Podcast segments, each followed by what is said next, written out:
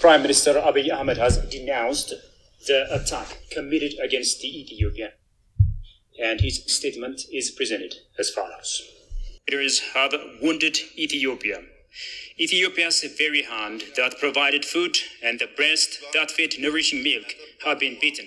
Så uh, lät det i onsdags morse på den etiopiska statstelevisionen när premiärminister Abiy Ahmed gick ut och sa att en arméanläggning i Mekele i norra Etiopien hade blivit angripen och att man nu inte hade något annat val än att sätta in armén mot angriparna och förklara krig mot TPLF i norra eh, Etiopien.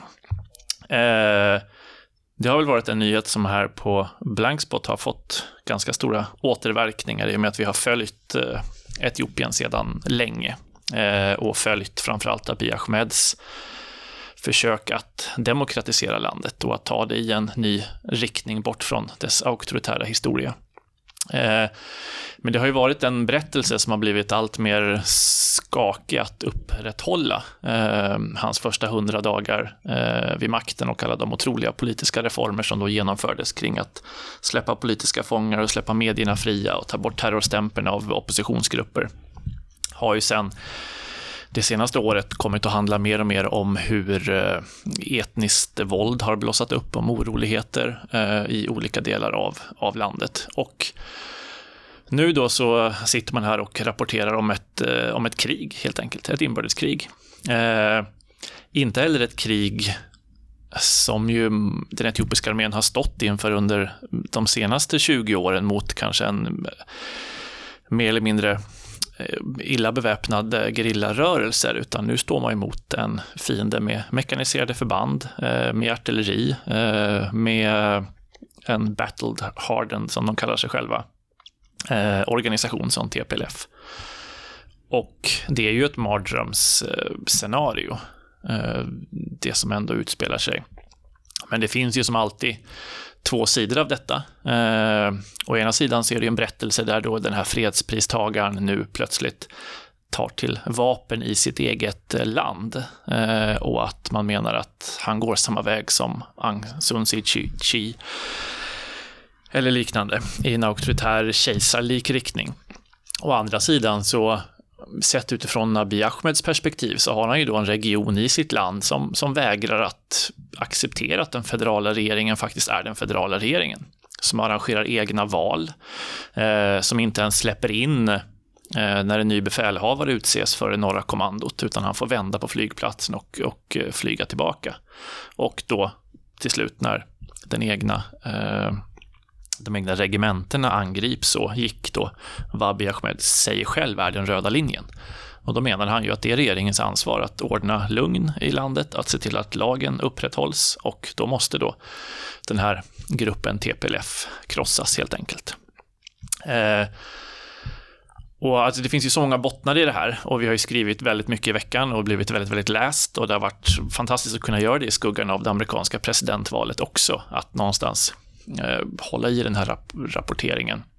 Eh, en botten är just att jag menar, TPLF är ju ett, en organisation som eh, också är född ur kriget, som är född ur kriget mot Mengistu, eh, som eh, ju stod upp mot den tidens starkaste militärmakt och besegrade den och eh, förändrade Etiopien och tillsammans då med EPLF i Eritrea såg också till att Eritrea blev ett självständigt land.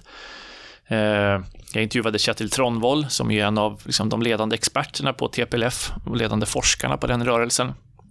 Och han menar ju att man måste förstå vad det här är för typ av grupp. Det här är en grupp som inte eh, ser våld som en sista utväg, utan våld kan kanske vara det bästa sättet att lösa en konflikt. Det är det första verktyget man använder sig av. Han menar också att det är en grupp som känner sig existentiellt hotad av Abiy Ahmeds nya Etiopien som känner sig att det här Etiopien är på väg i en riktning som, som hotar vår själva existens som parti och som etnisk eh, region. För att ytterligare en av de här bottnarna är ju just att Abiy Ahmed har drivit Etiopien i en riktning där man pratar om att modifiera den här etniska eh, federalismen. Där varje delstat, varje region har sitt liksom, etniska parti eh, som som styr och istället börjar prata om ett stort Etiopien där en medborgare, en röst. Det spelar ingen roll om man är somalier eller oromo eller tigray eller afar eller var man kommer ifrån, utan nu är vi alla medborgare i samma land. Och det där får ju många att se rött, som ju just hela dess politiska projekt handlar om att slå vakt om den egna gruppens kultur, historia, identitet.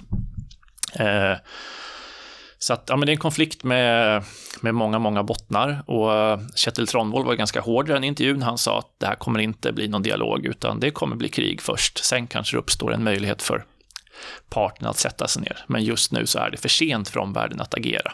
Och han menade ju att det här har man velat se så har man sett de här tecknen under det senaste året.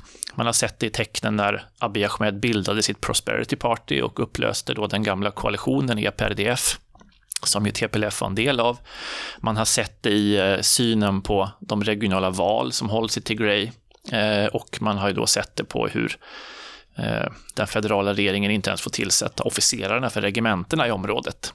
Alltså det, varningsflaggorna har funnits där hela året, men omvärlden har lite låtit det här komma till en punkt där det bara är militär konfrontation som återstår. Och ja, vad händer då nu? Antingen så eh, stannar det här vid eh, en liksom, inbördeskrigsliknande regional motsättning. Eller så har vi ett, ett storkrig som riskerar att dra in Djibouti, Sudan, Eritrea eh, med en följande flyktingkatastrof och ett otroligt lidande för, för civilbefolkningen. Det skulle i så fall vara det största kriget på kontinenten sen kriget mellan Eritrea och Etiopien 98 till 2000. Så att ja, historia skrivs eh, nu på Afrikas horn och de följande dygnen kommer ju bli helt, eh, helt avgörande eh, för, för hur den här konflikten utvecklar sig. Här är man ju så glad att vi har vår Facebookgrupp Uppdrag Etiopien Eritrea med massa kunniga människor från alla länder och från också de större politiska partierna och fraktionerna som ger sin syn. Eh, väldigt biased syn som många ger uttryck för där, men den behövs ju för att kunna lägga det här pusslet eh, om, om vad som håller på att, att hända. Eh, det jag saknar i rapporteringen och eh, tycker jag är jobbigt med journalister som säger att de saknar saker som själva är journalister, för det är väl bara att göra det då. Men det har jag varit, med civilbefolkningens eh, röst. Men det har varit svårt att nå, för alltså nätet är nedstängt i hela Tigray, telefonerna är nedstängda, både mobil och fasta linjer. Det går inte att få tag på civila. Jag hade lite känn ett tag på en kille med ett sudanesiskt simkort, eh, men det rann ut i sanden. Vi får se om, om eh, jag kommer kunna lyckas eh, få någon ordning på det där. Eh, för det är ju någonstans röster som behövs, som behövs höras när de stora elefanterna dansar så blir gräs, gräset lidande. Mm, men nog eh, är det ett helt annat skede i landet mot vad vi Eh, trodde bara för, vad blir det, ett drygt år sedan va? Ja. Eh, och eh, med tanke på att Etiopien var tänkt som ett exempel i vår kommande utställning om, om olika demokratiprocesser, mm, mm. Så var ju Etiopien tänkt som ett positivt mm, exempel. Mm, eh, men eh, redan i tankarna på den utställningen och i dialogen med skolor och elever har vi alltid pratat om skörheten i demokratiska processer och så. Här blir det ju så tydligt om de här etniska konflikterna i, i botten är ju mm. något man behöver förstå för mm. att kunna ja, men, eh, begripa demokratiutvecklingen eller varför det tar lång tid eller varför mm. det stöter på patrull som mm. i det här fallet. Ja, absolut. Eh, samtidigt så kan man ju inte, tycker jag, ta ifrån Abiy Ahmed allt positivt som han har gjort. Alltså det är hans första hundra dagar vid makten och den rörelse som bar fram honom av unga människor som krävde förändring är, jag menar, det är ju som Berlinmurens fall. Alltså det är otroligt, det är en historisk händelse. Det är som arabiska våren eller eh, you name it. Alltså den, det stora skiftet som, som skedde. Eh, de reformer, jag menar pressfriheten som, som nu är möjlig i landet, yttrandefriheten, folk uttrycker sig friare än vad de gjorde tidigare på sociala medier och annat. Det där går inte att, att ta ifrån honom. Han skröt ju själv när han höll sin Nobelföreläsning om att det sitter inte en enda fängslad journalist i Etiopien nu. Det gjorde inte det då, nu gör det det. Nu sitter till exempel Eskin Denega i fängelse igen och så vidare. Eh, men sen var väl också, alltså det här gamla gardet TPLF gick ju helt enkelt inte med på att släppa makten. Eh, de accepterar ju inte eh, de senaste två årens utveckling i Etiopien. Det spelar ju också in i någonstans svårigheten för hans eh, demokratiprojekt. Eh, så att det, ja, eh, om jag fortfarande vill försvara det som ett positivt exempel, men eh, eh, det, är väl inte, det är väl inte färdigt än, så att säga. Eh, det tar väl längre tid att baxa ett sånt auktoritärt system som det etiopiska i en demokratisk riktning, än att man bara byter ut premiärministern. Mm. Eh, det krävs ju att man reformerar institutioner, att det växer fram en politisk kultur och, och annat. Men det är klart att ett krig är katastrofalt för allt, all sån utveckling. Mm. Men det blir, ja, Sudan, om man ska hålla i positivt. Där eh, eh har man också det här civila och militära rådet och delvis en annan historia och bakgrund till de upproren där och demokrativågen som gjordes av med al-Bashir. Men där kan man ju ändå se att det, eh, ja, att det håller i sig. Sen tror jag väl inte att man ska, på samma sätt som man inte ska leta efter de här krigen och där if it bleeds it leads så ska man väl inte heller vara helt besatt av att hitta de där positiva berättelserna. Jag tycker att grundläggande här är ju någonstans att rapportera om människors ambition och vilja att förändra saker. Sen om det går bra eller inte ska ju inte väga in om det här är viktigt att berätta eller inte någonstans. Nej, och jag tror att det är viktigt i relation till att också förstå vår egen demokrati. Att mm, i mm. så många plan har vi en sån otroligt lyxig mm. vardag. Och där vi inte förstår att den är ett resultat av demokratiska processer mm. eh, som vi idag tar för givna. Mm. Men hur komplext det är på alla sätt och vis. Ja, och sen får vi se oss själva i spegeln. Jag menar, Eh, Eh, afrikanska journalister sitter ju med skräckblandad förtjusning följer Trumps presskonferenser. Alltså man tänker sig, hade det skett i ett val i Nigeria eller någonting, att den person som i alla fall nu ser ut att förlora valet står och kritiserar det och pratar om valfusk och, och liknande, så hade man ju eh, skrivit om det därefter någonstans. Eh, mm. Medans mm. Ja, jag ja. reflekterar ju över det i en text hos Blankspot om när jag var i Kenya för fyra år sedan, eh, precis när Trump valdes in. Så är ju det en händelse som jag verkligen burit med mig sedan dess, hur reaktionen av mina arbetskamrater där verkligen var, men jösses, vad gör ni med demokratin? Och så hade vi väldigt spännande samtal om eh, demokratin. Eh, och, och eh, Ehm, och idag när man, eh, och faktiskt precis när jag satt och skrev den texten så plingade det ju till. Så kom det ett mail från Crisis Group som bevakar konflikter och som varnar för den eh, eh,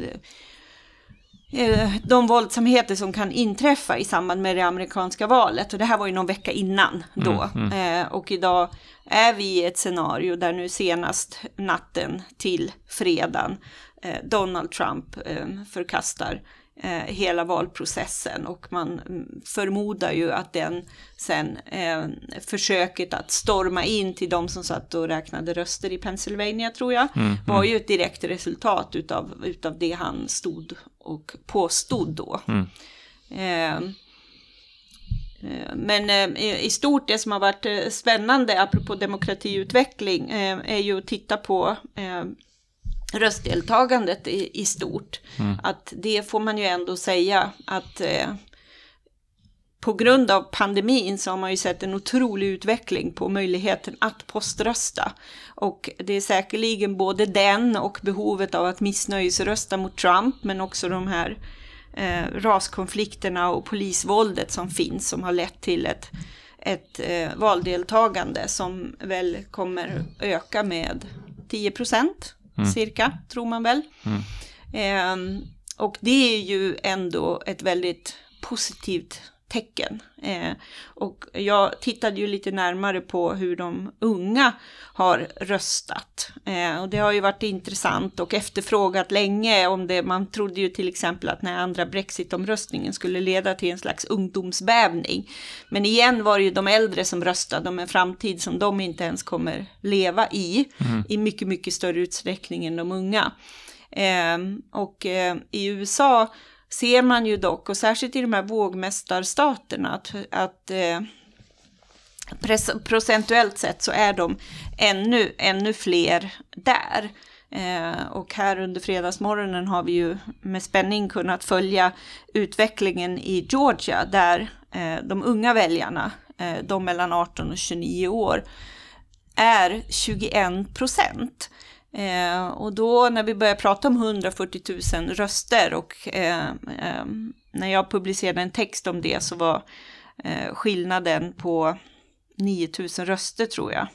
Eh, när eh, dryga ja, 90 procent av rösterna hade räknats. Mm. Och nu har ju Biden gått om, även om mm. inte alla röster är räknade ännu.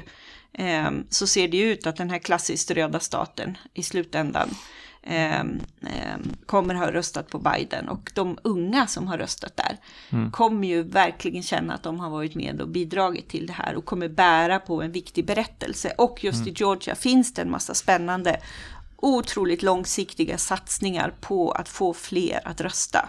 Mm. Eh, och det tror jag är något som det är ju ett stort behov i, i hela eh, västvärlden där mm. man ju ser ett minskat intresse eh, i, hos millenniegenerationen för att rösta. Mm. Så det, det ska man ju verkligen passa på att lyfta fram. Mm. Och din text handlar ju mycket om de här, allt som händer i USA på något sätt eh, eh påverkar oss i Sverige populärkulturellt ja. och eh, ja, politiskt också, just den här eftervalsdiskussionen som ju nu kommer komma, så är du lite tidigt ute här och, och tittar runt hörnet. Eh, men du skriver också i texten något som jag fastnade för, som handlar om hur alltså mediernas arbete i det här valet och eh, under valnatten och också under den här eh, veckan som som följer. Ja, mm. för att, jag menar veckan innan skrev jag ju en text som var mer väldigt, väldigt kritisk som eh, eh, där jag menar att medierna har förhållit sig lite som eh, råttorna till råttfångaren i, mm, mm. i Hammel utifrån att bara följa med genom att man konstant har återpublicerat.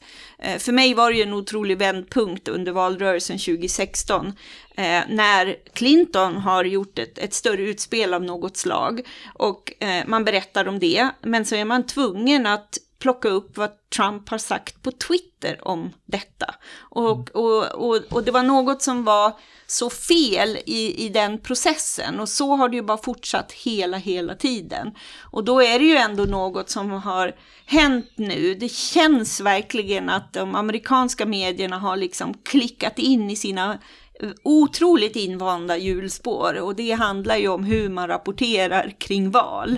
Och, och varit väldigt, väldigt eh, uthålliga, knarkat siffror, säkerställt att man liksom återupprepar behovet av att eh, säkerställa att alla röster kommer till tal så att det här är demokratin som visar sig från sin finaste sida och har eh, till slut satt totalt stopp för Trumps mm, mm. utspel mm. på något sätt. Eh, Eh, I morse hörde jag Chris Como säga att jag tänker inte säga vad han har skrivit på Twitter. Det får vara slut med att vi och liksom ger honom den här plattformen genom att läsa upp vad han skriver på Twitter. Mm. Eh, och då vill man ju nästan skänka en liten extra tanke till Twitter också som har varit så väldigt, väldigt tydliga under det senaste halvåret med att eh, ha gjort en mycket striktare policy kring hur man ska hantera eh, falsk information runt val och valprocessen och har ju konstant och de senaste dagarna fått flagga i princip nästan varje tweet från Donald mm, Trump mm. på ett sätt som ledde till att han till slut skickar ut en tweet via sin pressservice så att det blir som ett pressmeddelande. Alltså en absurd text skriven i versaler för mm, att mm. runda Twitter. Eh, för den kommer ju då kunna skickas vidare av eventuella mm, supporters mm. eller eh, eh, senatorer eller andra republikaner som vill förmedla hans Twitter-meddelande.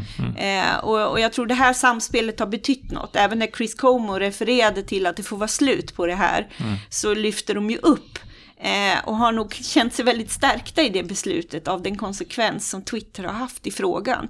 Och det är en fråga som jag själv har kommenterat genomgående de senaste åren och där man upplever, och man får kritik för att vara mot yttrandefriheten då, men jag tror att det också är på tiden att vi verkligen slutar se de här plattformarna eh, som eh, jämförbara med just en infrastrukturer och att den här liksom yttrandefriheten inte är kopplad till min möjlighet att sprida falsk information i ett kritiskt eh, läge eh, runt, runt val.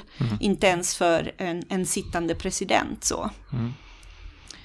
Men det är ju väldigt, väldigt spännande. Men just i relation till att vi tittar så på demokratiutveckling i stort och även tittar på ehm, eh, hur pandemin har påverkat demokratiprocesser så är det ju särskilt intressant att, att faktiskt kunna följa de, de unga väljarna i USA. Så det ser jag fram emot att, att fortsätta dyka ner i. Mm.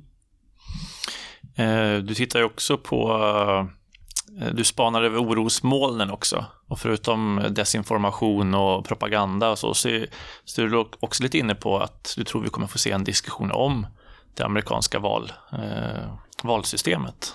Ja, och det, det, det, det är ju helt tydligt att det är är, är ett väldigt föråldrat eh, system och, och eh, det är ju faktiskt otroligt att det är ju pandemin som har tvingat fram det här och som då har lett till erfarenheter under det här valet som eh, man kommer ju säkerligen inte backa från de här ökade möjligheterna att till exempel poströsta. Och när man gör då analyser av hur säkert det har varit och hur det har ökat valdeltagandet så är det en pusselbit och då finns det ju fler eh, eh, fler saker att göra för att mod- modernisera hela den processen. Och det är ju, vi, vi talade ju med eh, statsvetaren Merrick Tabor. Ja, just det. Och han eh, eh, betonade ju verkligen att eh, om det här hade hänt i något annat land så hade man inte pratat om det som en demokrati. Och en av de punkterna som han tycker är riktigt anmärkningsvärt är ju just avsaknaden av en oberoende valmyndighet. Så det eh, är ju s- den typen av pusselbitar som eh, förhoppningsvis årets valrörelse kan skynda på. Sen har vi ju i veckan också publicerat ett längre reportage om eh, eh, inget så mycket som EPA-traktorn. Fantastiskt, jätteroligt. Nu är vi Ja. äntligen igång med fortsättningen på vår eh, rundresa genom Sverige ju. Ja, eh, och det är ju eh, apropå informella och formella rörelser och just EPA. Eh, EPA-artikeln är också så eh, rolig för att den eh, plockar upp orga- och de här unga. Det Sen vi var- får ett ljudklipp här från, eh, vänta, en intervju här med någon som intervjuade reportaget. Sådana som körde EPA och A-traktorer. Och även andra som hade eh, klagat och sånt. Och det handlar om att vi ska komma på en lösning gemensamt. Och så berättar de lite regler och sånt för oss. Vad som gäller för A-traktorer. Och, ja, en stund var det, funkade ganska bra. Men så kom ju allting tillbaka, att folk började klaga ännu mer och det var bara vårat fel. Och... Så vi blir även anklagade för att andra sladdar blir och då får vi också all skit för det.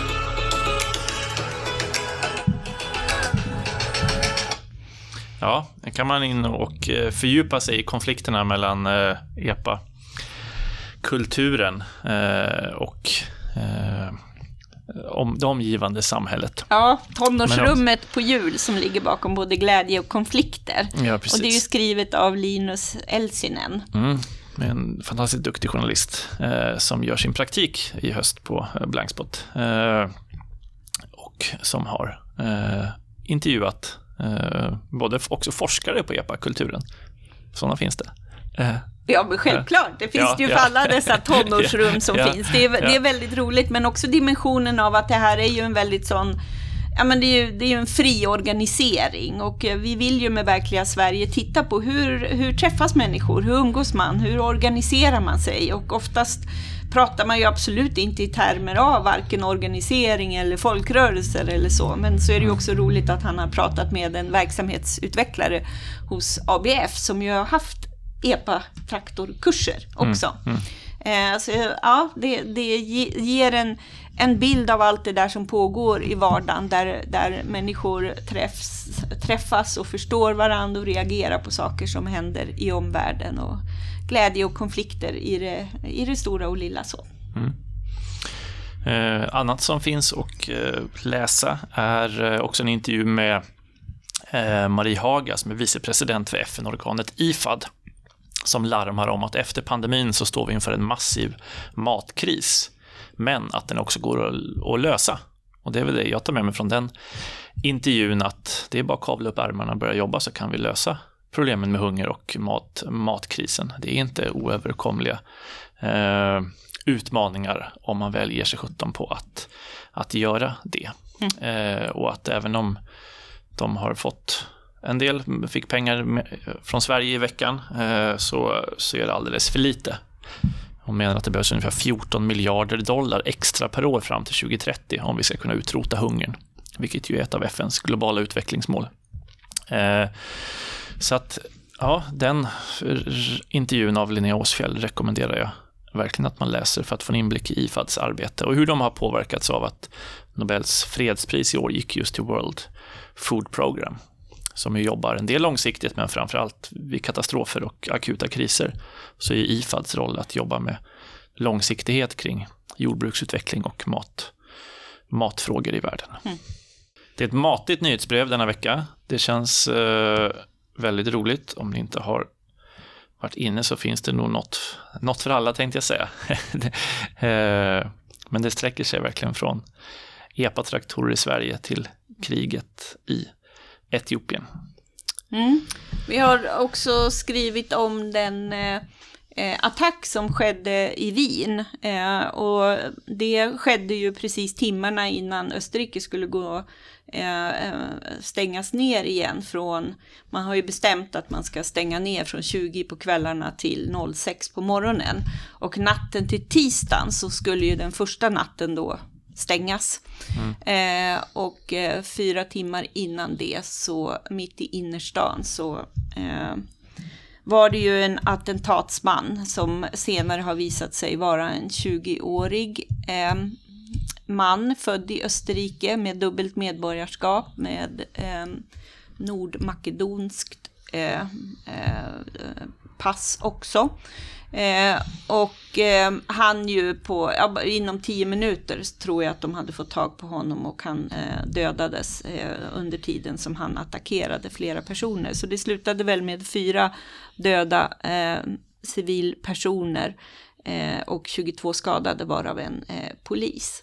Mm. men det som har varit Dels är det ju det att det är, det är andra IS-relaterade attacken på kort tid, även i, i eh, och att det här bubblar ju under ytan. Vi är ju fullt upptagna med pandemin och en massa andra saker. Till exempel det amerikanska valet som slukar så otroligt mycket av medieutrymmet också.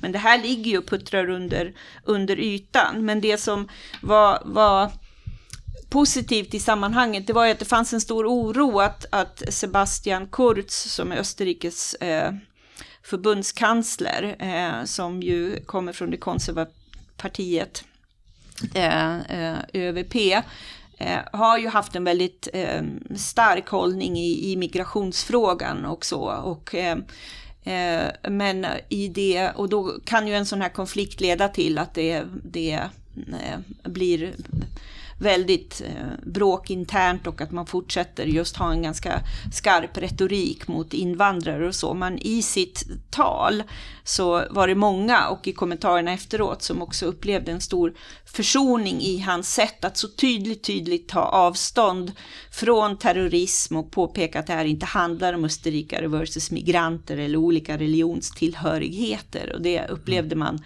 som väldigt, väldigt viktigt i Österrike. Sen har det framkommit väldigt mycket intern kritik, så nu vill man ju att inrikesministern ska avgå på grund av att den här 20-årige mannen hade försökt köpa vapen i Slovakien i somras, vilket man då eh, från slovakiska myndigheter anmälde till Österrike. Köpförsöket gjordes i juli, men eh, den här anmälan kom eh, först, nådde Österrike i oktober och sen dess är det väldigt, väldigt otydligt varför han då inte togs in igen eller började bevakas för att han hade släppts tidigt på grund av sin ålder. För att han hade ju försökt resa ner för att ansluta till IS och stoppades och sattes i ett avprogrammeringsprogram som han alltså har gått i. Så det är ju många som har arbetat med honom i det programmet som har vittnat om att det fanns ju, alla trodde ju att han var avprogrammerad så att säga. Så det har ju satt frågan om hur man hanterar eh, personer som, som söker sig till sådana här extrema rörelser.